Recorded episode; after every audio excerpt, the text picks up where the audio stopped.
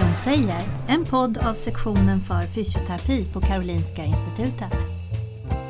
Vi som arbetar här forskar och undervisar om samspelet mellan rörelse, fungerande och hälsa. Och här i podden delar vi med oss av vår kunskap till alla som vill lyssna.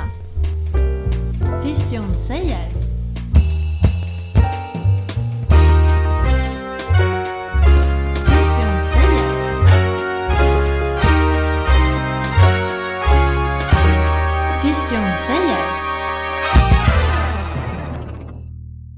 Välkommen till Fysion säger. Mitt namn är Wim Kloten och jag jobbar på Karolinska Institutet. Jag sitter här hos John Ressman. Idag fick vi då en sån här dag där man kan åka bort från jobbet och komma hem till John som jobbar hemma idag. För att John han är halvtid doktorand och halvtid jobbar han då på Bosön som fysioterapeut. Välkommen till Fysion säger John. Man tackar, man tackar. Trevligt att ha dig här Wim. Ja, jätteroligt att komma hit för att det där med rörelseanalys som vi kommer att prata om idag, eh, det är naturligtvis mitt speciella ämne. Men jag ska vara så tyst som möjligt och lämna ordet helt öppet till dig. För att vi eh, har då en kurs i rörelseanalys och det tänkte jag att eh, det där eh, ämnet för idag. Men vi måste börja från början. John Ressman, vem är du? Ja, det är en bra fråga, vem jag är.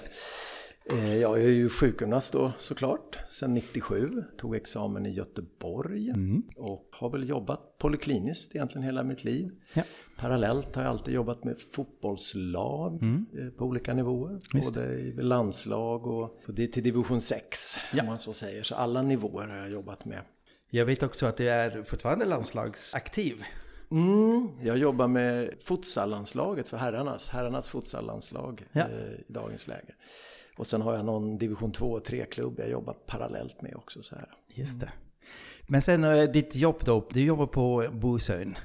Vad är Bosön för någonting för de som inte vet detta? Nej, Bosön är ju då Riksidrottsförbundets utvecklingscentrum.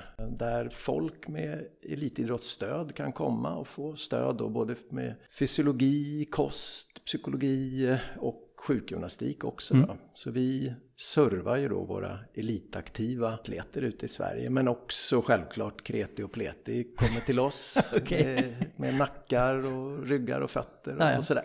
Som en sorts vanlig Ja, primärvårdsmottagning. precis. Ja. Men härligt, den kombinationen borde vara intressant. Den är jätterolig att en dag hålla på med en av våra absolut bästa, inte vet jag, 110 meter häcklöpare för att nästa 40 minuters pass så kommer Agda in med, med en krokig rygg. Ja, Så den är härlig ja faktiskt. det är jättebra. Och då är det frågan då, eh, det där med rörelseanalys. Gör du rörelseanalys på både Agda och den här 100 häxlöpare eller hur jobbar du med rörelseanalys? Ja, ibland krånglar man till det där med rörelseanalys och tänker att det är massor med specifika tester man gör och, och så kan det ju vara också. Men om man egentligen tänker på vårt yrke som sjukgymnaster så gör vi ju rörelseanalyser dagligen. Tittar du på en skuldra så är det humoroskapulära rytmen. Ja, och det är ju en rörelseanalys i Ja. sak också. En, en visuell bedömning utav strukturer. Eh, Så ja, det gör jag absolut. Både på Agda och eh, Arne. ja. Vad de nu heter. Ja. Och eh, precis, det är jättehärligt att säga det för att rörelseanalys eh, kan man krångla till om man vill. Och jag brukar göra det i labbmiljö då. Eh, och det är inte dit som vi ska prata idag. Jag tänkte, hur använder du egentligen rörelseanalys då mera strukturerat då? Inte bara titta på en, en led i taget, men det finns sådana här speciella tester också. Mm. På Bosön har vi ju någonting som heter Bosön 9 Plus som är liksom ett screeningbatteri som vi använder oss av för att titta på våra elitaktiva.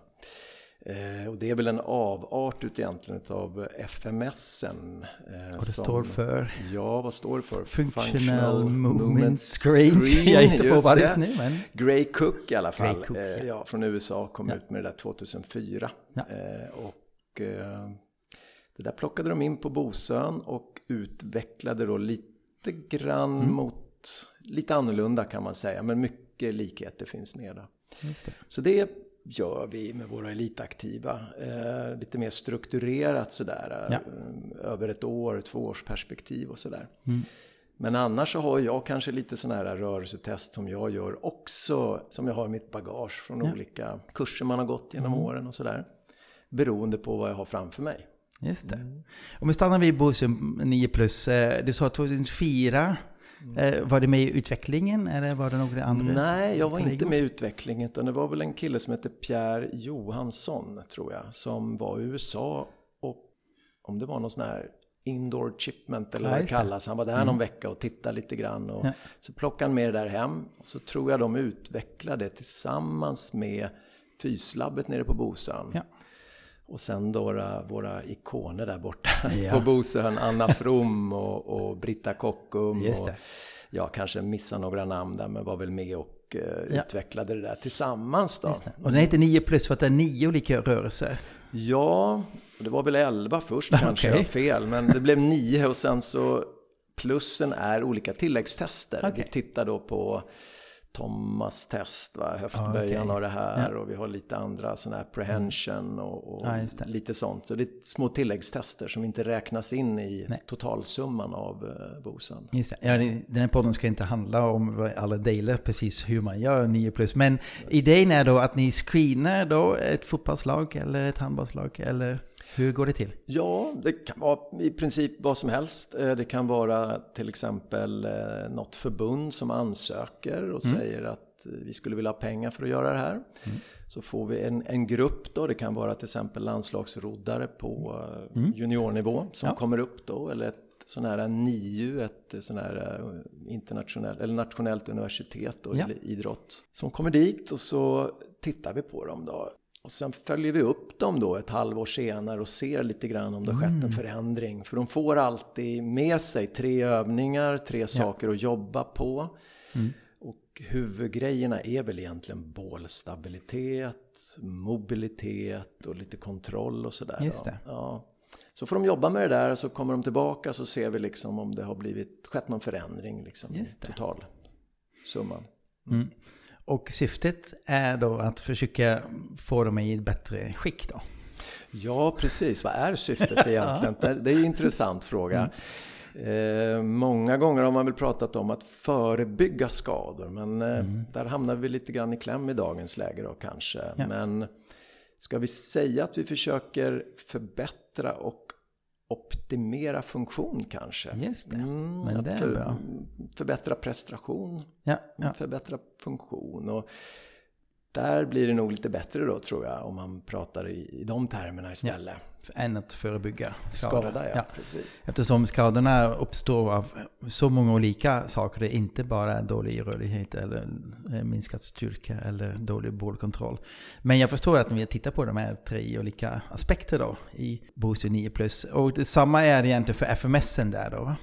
Ja, det, FMSen är väl egentligen samma upplägg och det här är en avart som är lite mer utvecklad, ja. tycker vi då, kan jag tänka mig. Med de här speciella extra tilläggstester ja, medans FM.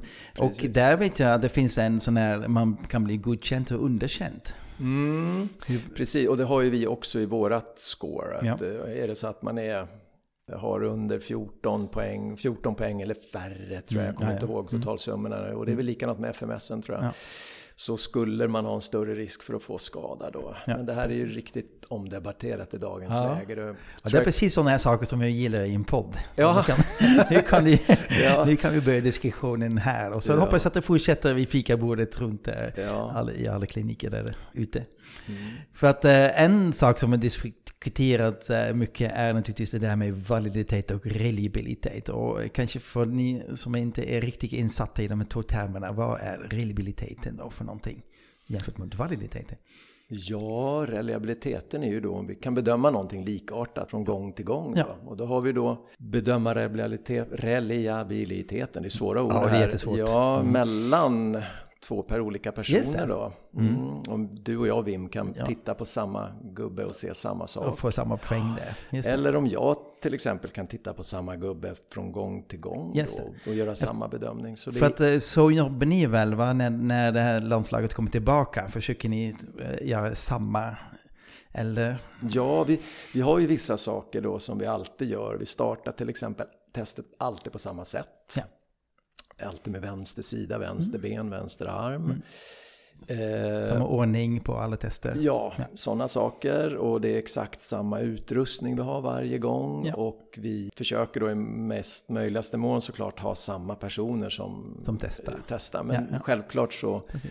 varierar Men det. Jag tror jag läste någonting att det var ganska reliabelt va? Eller hur gick det? Ja, kommer inte jag ihåg riktigt här. Det var väl Anna From gjorde en studie på det där. Och mm. det jag kan dra mig minnes med en gång det är det att det var en bra intrabedömarreliabilitet. Mm. Och tror inte de tittade på Inter där. Men däremot så tittade de på de olika testen separat. Just det. Och då var det två test som stack ut med dålig reliabilitet. Ja. Och det var ju då den här fyrfota, när man sträcker ut ja. arm och ben. Då. Mm. Och enbensnigningen faktiskt. Okay, de två rörelserna var lite sämre reliabilitet på. Ja. Men annars var det god reliabilitet. Ja, precis. Mm. Men när vi, okay, ni kommer ihåg den här den går vi lite djupare in på lite senare Just sen. Det, det är mm. din lilla specialområde. Ja. Och då validiteten då, mäter man vad man vill mäta? Ja, precis. Har de tittat på det? Ja, det har kommit en del studier på det här. Bland annat mm. på orienterare eh, och så. Och tyvärr så är väl resultaten lite nedslående just mm. där att, att det här med att predicera skada, den Just verkar det. inte kunna göra det. Nej. Så. Så det är egentligen, men den är en väldigt specifik typ av validitet, prediktiva validiteter. Mm. Men uh, man kan också tänka sig validitet, mäta den vad den vill mäta, till exempel om jag vill mäta bollstabilitet. Mm. Är det testet då som ni gör, är det någon som testar brostabilitet eller testar man rörlighet i foten istället? Ja, det är en jättebra fråga. Ingen aning. men, men däremot så finns det ju deltester till exempel som den här enbensnigningen som vi var ja. inne på. Mm. Den har man ju testat mot validitet till exempel mot tredimensionella analyser ja. och sett bra överensstämmelse så man vet vad man mäter, att det är liksom knä, valgus eller något liknande. Så vi släpper de här övergripande testerna och går in i ditt doktorandarbete. För du har inte berättat att du är doktorand också. Nej, just det. Det glömde jag du bort. Forskar, jag glömde det, precis. Ja, jag är för mycket kliniker nästan ja, faktiskt. Nästan. Eh, men eh, jag försöker bli en forskare också. Eh, mm. Och jag forskar ju på halvtid. Ja. Så, så jag försöker fördela veckan jämt. Och då är ju single leg squat, som vi kallar det, enbensknäböjen, mitt favorit, favoritområde mm. som jag ska spendera åtta år på ja. och titta. Man undrar vad man pysslar med ibland. Ja, ja. och sen efter åtta år är du precis i början egentligen. Då, vet ja. vi igen, då, efter åtta år kan vi ställa de rätta frågor. Ja, Någonstans där ja. vi hamnar tror jag. Men jag eh, började väl med en studie, en metaanalys för att titta på om det fanns någon reliabilitet för ja. just single leg squat. Mm. Och vi, vad vi såg där var ju att det var finns ju inget unisont single leg squat. Det heter Nej. ju både forward step down och lateral step down och one legged single leg squat. Alltså, Pistol squat. Ja, tio olika namn för samma sak i ja. princip. Mm. Sen ser de lite olika ut och testerna, eh, hur man positionerar händer och fötter och ja. ben och det där kan mm. vi ju mm. diskutera i tre timmar till om ja, egentligen. Precis. Men summa summarum så är det väl så att vi sjukgymnaster kan bedöma testet reliabelt ja. och vi kan titta på fler segment samtidigt. Så vi behöver inte titta bara på knät i Nej. förhållande till foten utan vi kan bedöma knä, fot, höft, rygg samtidigt på ett reliabelt sätt. Mm. Och med fördel då att vi har en skala som är dikotom eller upp till tre, alltså tre ja. 0, 1, klara, 2. klara, inte klara ja, kanske. Ja, ish. Så. Mm, okay. så du säger alltså man kan bedöma detta på ett reliabelt sätt. Flera segment samtidigt men inte så noga. Mm. Och då kom jag på att du har utvecklat ett sånt här test. Just det, precis. Det blev ju i min tredje studie då så tänkte jag att jag tar alla de här positiva faktorerna vi hittade i metaanalysen. Mm. Liksom, hur många kriterier man ska ha, vad man ska titta ja. på. Och så konstruerade jag ett eget test. Ja. Och så tog jag då fyra bedömare och mm. så testade vi både inter och intrabedömarreliabiliteten då. Ja. Och så fick vi fram ett test med en okej okay reliabilitet som jag nu tänker ta vidare då för att mm. kolla på validiteten. Yes. Så min tanke är ju att försöka titta på olika aspekter av validitet och reliabilitet för det här mm. mycket enkla kliniska testet. Ja. Precis. Använder du det här nu dagligen? Ja, jag använder det dagligen. Vad ser du då på Agda? Ja, precis. Vad ser jag på Agda? Det beror ju lite grann på vem man, hur man tänker här. Ja. Om man är forskare eller om man är Ja, kliniker. nej, ja, men precis. Och, och, men om vi utgår ifrån att jag är en kliniker Ja, så, så ser jag ju dagligen eh, saker som eh, jag tar med mig ut i kliniken sen. Ja. För bedömning, för eh, att Träning. lägga upp rehabilitering, för att utvärdera rehabilitering Ja. och sådana saker. Så det är ett väldigt användbart test. Hur, hur tycker eh, patienter att göra det här? För att rörelsen är ju hyfsat enkelt ändå. Mm. Folk tänker ju inte på vad man gör, utan man bara ber dem ställ dig på ett ben och böj ner. Då ser man liksom spontant hur de gör. Sen kan man vara lite mer strukturerad som vi måste vara då när man forskar. Att man liksom sätter en linje på golvet och placerar foten och, och man har vissa instruktioner. Ja. Så, och det är ju då forskningens fördel eller baksida kanske. Så, men i, i kliniken så är man lite mer rough kanske. Ja. Så. Även om jag i min kliniska vardag alltid försöker upprepa och göra på exakt samma sätt. Mm. Så har jag gjort hela mitt liv. Även om jag håller på med OMT och känner på Ja, en, ja, eh, ja. en muskel så Ja. palperar jag alltid från ena sidan till andra sidan. Jag startar uppifrån och nerifrån. Har vi utvecklat ett test som fungerar då, är reliabelt och eh, i din sista studie här nu som kommer framöver, då, då ska du forska vidare på den då. Vad ska du göra? Ja, jag ville ju då involvera fotbollsspelare eftersom jag älskar fotboll helt enkelt. Så, och då tänkte jag också kvinnliga fotbollsspelare. Ja. Varför? Jo, men eh, nummer ett så har de kanske inte forskat så jättemycket på. Nummer två så är de ju lite mer drabbade än männen också när det gäller vissa skador. Så då snöade jag in lite grann på det. Så jag ska nu i vinter här försöka rekrytera 200 kvinnliga fotbollsspelare. Ska jag be dem göra ett eh, enbenssnigning, en single leg squat. Ja. Jag ska testa höftledsstyrka och titta på fotledsrörlighet och se om det korrelerar eller om det associerar med det här testet. Då. Ja. Plus att vi har lite sådana här psykosociala, Yes. hormonella frågor som vi också ska associera. Och sen ska vi följa de här tjejerna under en Ja, säsong, under en och, säsong. och registrera skador. Så det blir både en cross-sectional studie och en longitudinell studie. Just det. Oj, vad spännande. Mm, ska bli Det är kul. verkligen intressant. För att eh, det här egentligen eh, tangerar den här stora knäkontrollstudien lite grann va? Är det ditt test?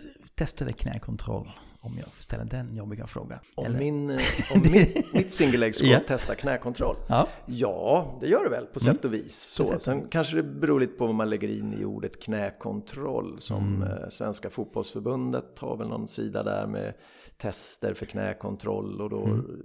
gör man massor med övningar innan ett träning. Ja.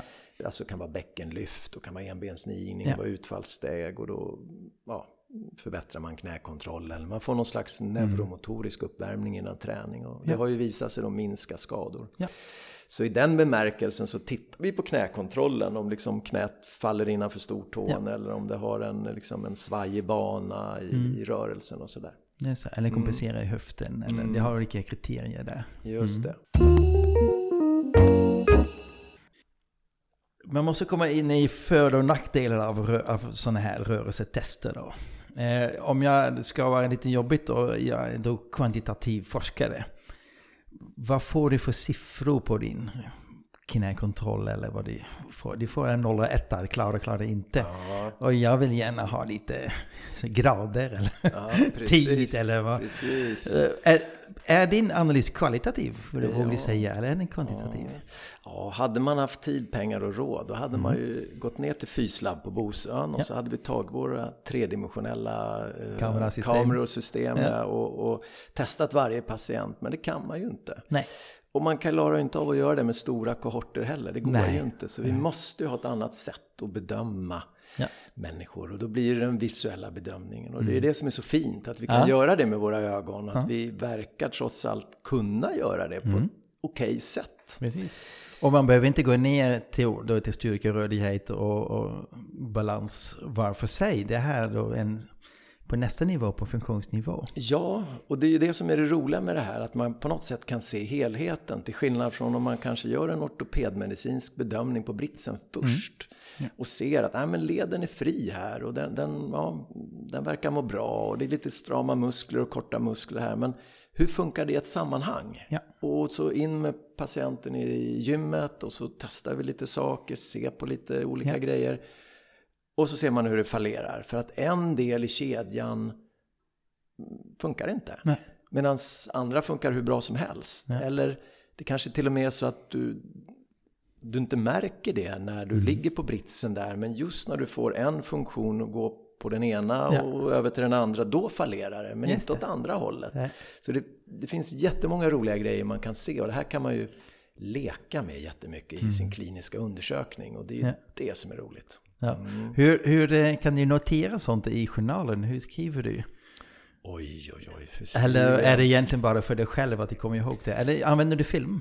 Ja, mer och mer använder man ju film. Förr i världen hade man ju inte smartphones på det Mm. Nej. Mm. sättet. Då var det krångligare. Men jag använder ju film jättemycket i pedagogiskt syfte. Ja. Så, för folk. Och ibland då till exempel, jag hade någon eh, trestegs, nej förlåt, en längdhoppare från Norrköping som kom här nu i, i veckan. Och så skulle vi ner i hallen och så skulle vi göra hoppträning Mm. och, och hinna då se den isättningen med den höften när han kommer där i full ansats. Eh, det är svårt, Ja. det ser du inte. Och Nej. då är det fram med telefonen och stoppa och diskutera Ja. och testa och, och om igen och, och så.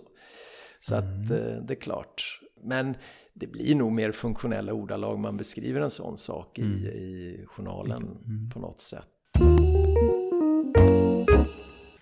Jag vet också att du undervisar i detta ämne då på avancerad nivå. Vad- Vad är ditt, din take home message till de studenter som går här kurser?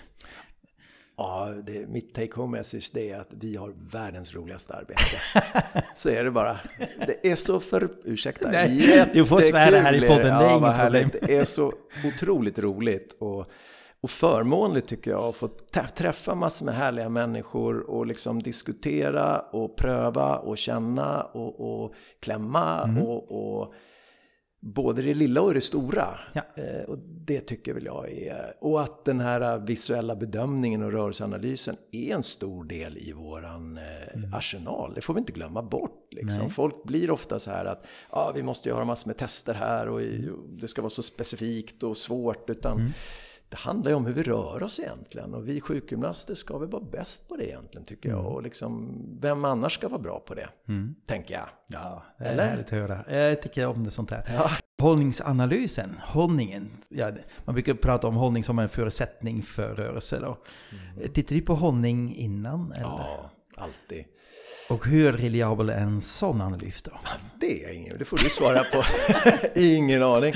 Men det finns ju vissa, och det är ju det som är det roliga med, med kliniken. Det finns ju vissa, eh, vad säger man, eh, mallar liksom. Om du är en swayback det. position eller om du har en flatback eller Just om du det. har en liksom kyfosis lordosis. Är Mm, det ja, Kendall ja, ja. eller vad heter Ja, ja, det finns sju olika sorter i, Ja. i vår vitamin 1-bok. Precis. Ja. Och, och, och det finns också till de här standardmodellerna så finns det liksom eh, så här, de har korta hamstrings, de har långa hamstrings, de har svaga där och sådär. Och det där stämmer ju rent kliniskt. Tittar man på person nästan så stämmer det nästan alltid liksom. Så att bara genom att titta på personen så har du ju fått väldigt mycket information sådär. Ja. Så att i den kliniska aspekten så är det ju, det är ju jätteviktigt. Ja, Helt precis. klart. Ja. Nej, jag har fått lite sådana här strömningar. Så här, varför ha, äh, lär ni ut något som inte är reliabelt? Men Mm. nu har jag fått väldigt bra svar här. Tack så mycket. Och det är inte samma sak med de här olika teorierna. Du säger de stämmer kliniskt. Men eh, ja, det är väldigt svårt att forska på sånt naturligtvis. Vad, vad är en kort hamstrings? Hur, hur, hur kort är en kort? Och, Ja, Och och hur kort är en kort, precis. Och det kan ju liksom variera. Det är ju det Ja. Mm. som är det stora problemet med forskningen, kan jag tänka mig. Jag menar, en, en längd på hamstrings för dig är en annan sak för mig och Ja. en tredje för en längdhoppare kanske. Ja. Så att det är jättesvårt att säga. Men- Och man måste ta det till situationen, eh, till personen Ja. och till uppgiften. Mm. Och sen titta då i relation då till, till ryggen, till knät, till höften, Mm. allting som ligger däremellan. Och då blir det nog svårt att göra en longitudinell RCT Ja, på det här. Liksom, eller hur? Nej, ja, så att ibland så tror jag att kliniken är som den är. Vi är här och nu. Vi får liksom stödja oss på det och sen får vi ha lite helikoptersperspektiv och Mm. vad säger forskningen. Men här och då är det ju så att om jag har en person som kommer in med nackspärr och jag använder mig av en icke-vetenskaplig metod och de går därifrån och mår bra så är mm. de jätteglada. Ja. De är inte sura för att jag har använt Nej. en icke-vetenskaplig metod. Som inte är testat ännu. Nej. Nej. Nej, så länge det inte är något farligt då förstås. Ja, precis. För det finns ganska många teorier, men en som jag kanske kan uh, vill ta upp är egentligen Sarman. Mm, Shirley. Shirley, kan ni mm. berätta lite grann?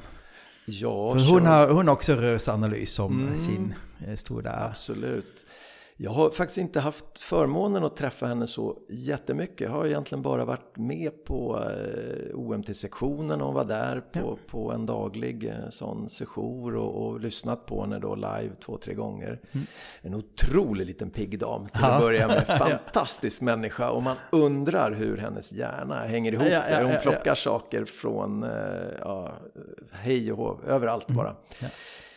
Jag tror det var Mark Comerford, om jag får göra en liten ja. utsvävare här, som jag gick ju på de här Kinetic Control-kurserna. Ja. Det var någon tre veckors kurs i England vi gick där uppdelad. Och han har ju snott allting från mm. Shirley Sharman med hennes eh, mm. goda vilja då såklart. Ja. Men hans arbete har ju fått lite kritik för att det är så fruktansvärt strukturerat. Mm. Så jag frågade honom, varför har du strukturerat upp det så här mycket? Det var mitt enda sätt att få fatt på Shirley Sharmans tankar. och få ner dem på papper. Ja.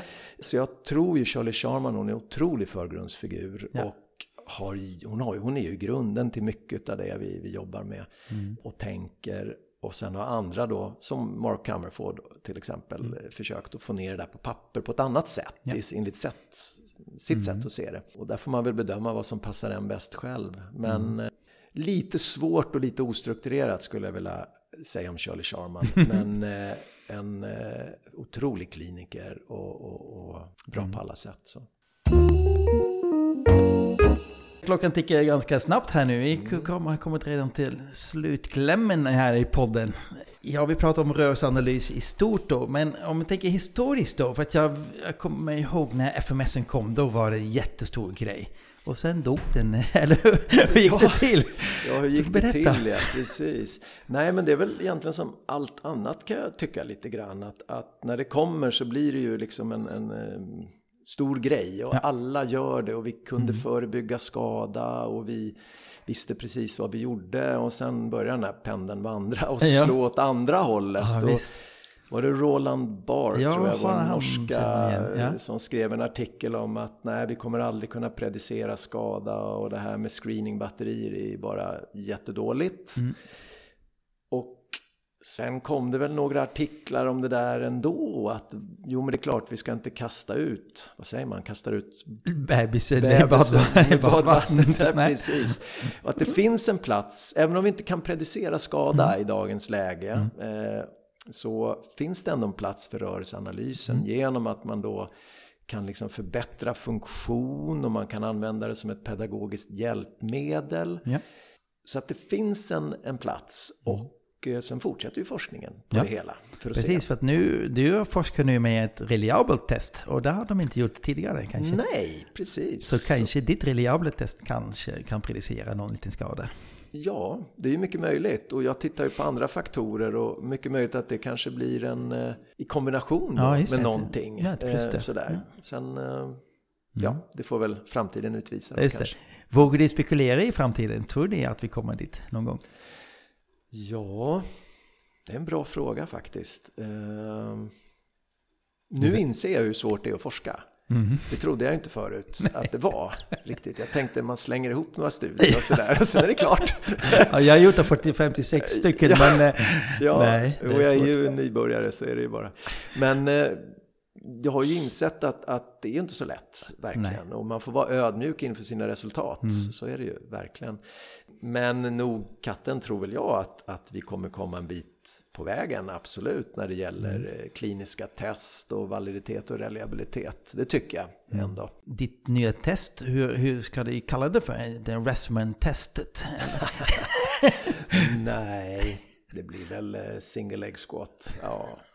Det tråkiga är att det är inget bra namn på svenska. Enbensknäböj. Det låter så här som en, inte vet jag, en kofot eller något. Jättetråkigt. Sådär. Nigning pratar vi ibland om. Ja, nigning. Jag Nej. vet inte, det, vi kanske kan få någon mail in till Ja, det tycker jag. Lyssnare här får, får eh, komma in med förslag. Då kan Ja. jag vidarebefordra det till Ja, John. the single leg squat, SLS Ja. test. Ja. och hur, vad heter det på svenska då? Ja. Enbensknäböj. Och hur stavar man det framför allt? Det Oh. blir alltid fel på autokorrekt när jag skriver Nej, det. just det. Är det ett ord eller särstavning? Ja, eller? precis. Ja, nej, där har Ja. vi någonting att byta i. Mm. Okej, nej men då eh, tackar jag så himla mycket för ditt fina samtal, det här fina samtalet och eh, önskar dig stor lycka till med din fjärde studie. Ja, men tusen tack. Tack, tack. Du har lyssnat till podden Fysion säger, en podd som sänds från sektionen för fysioterapi på Karolinska Institutet. Fysion säger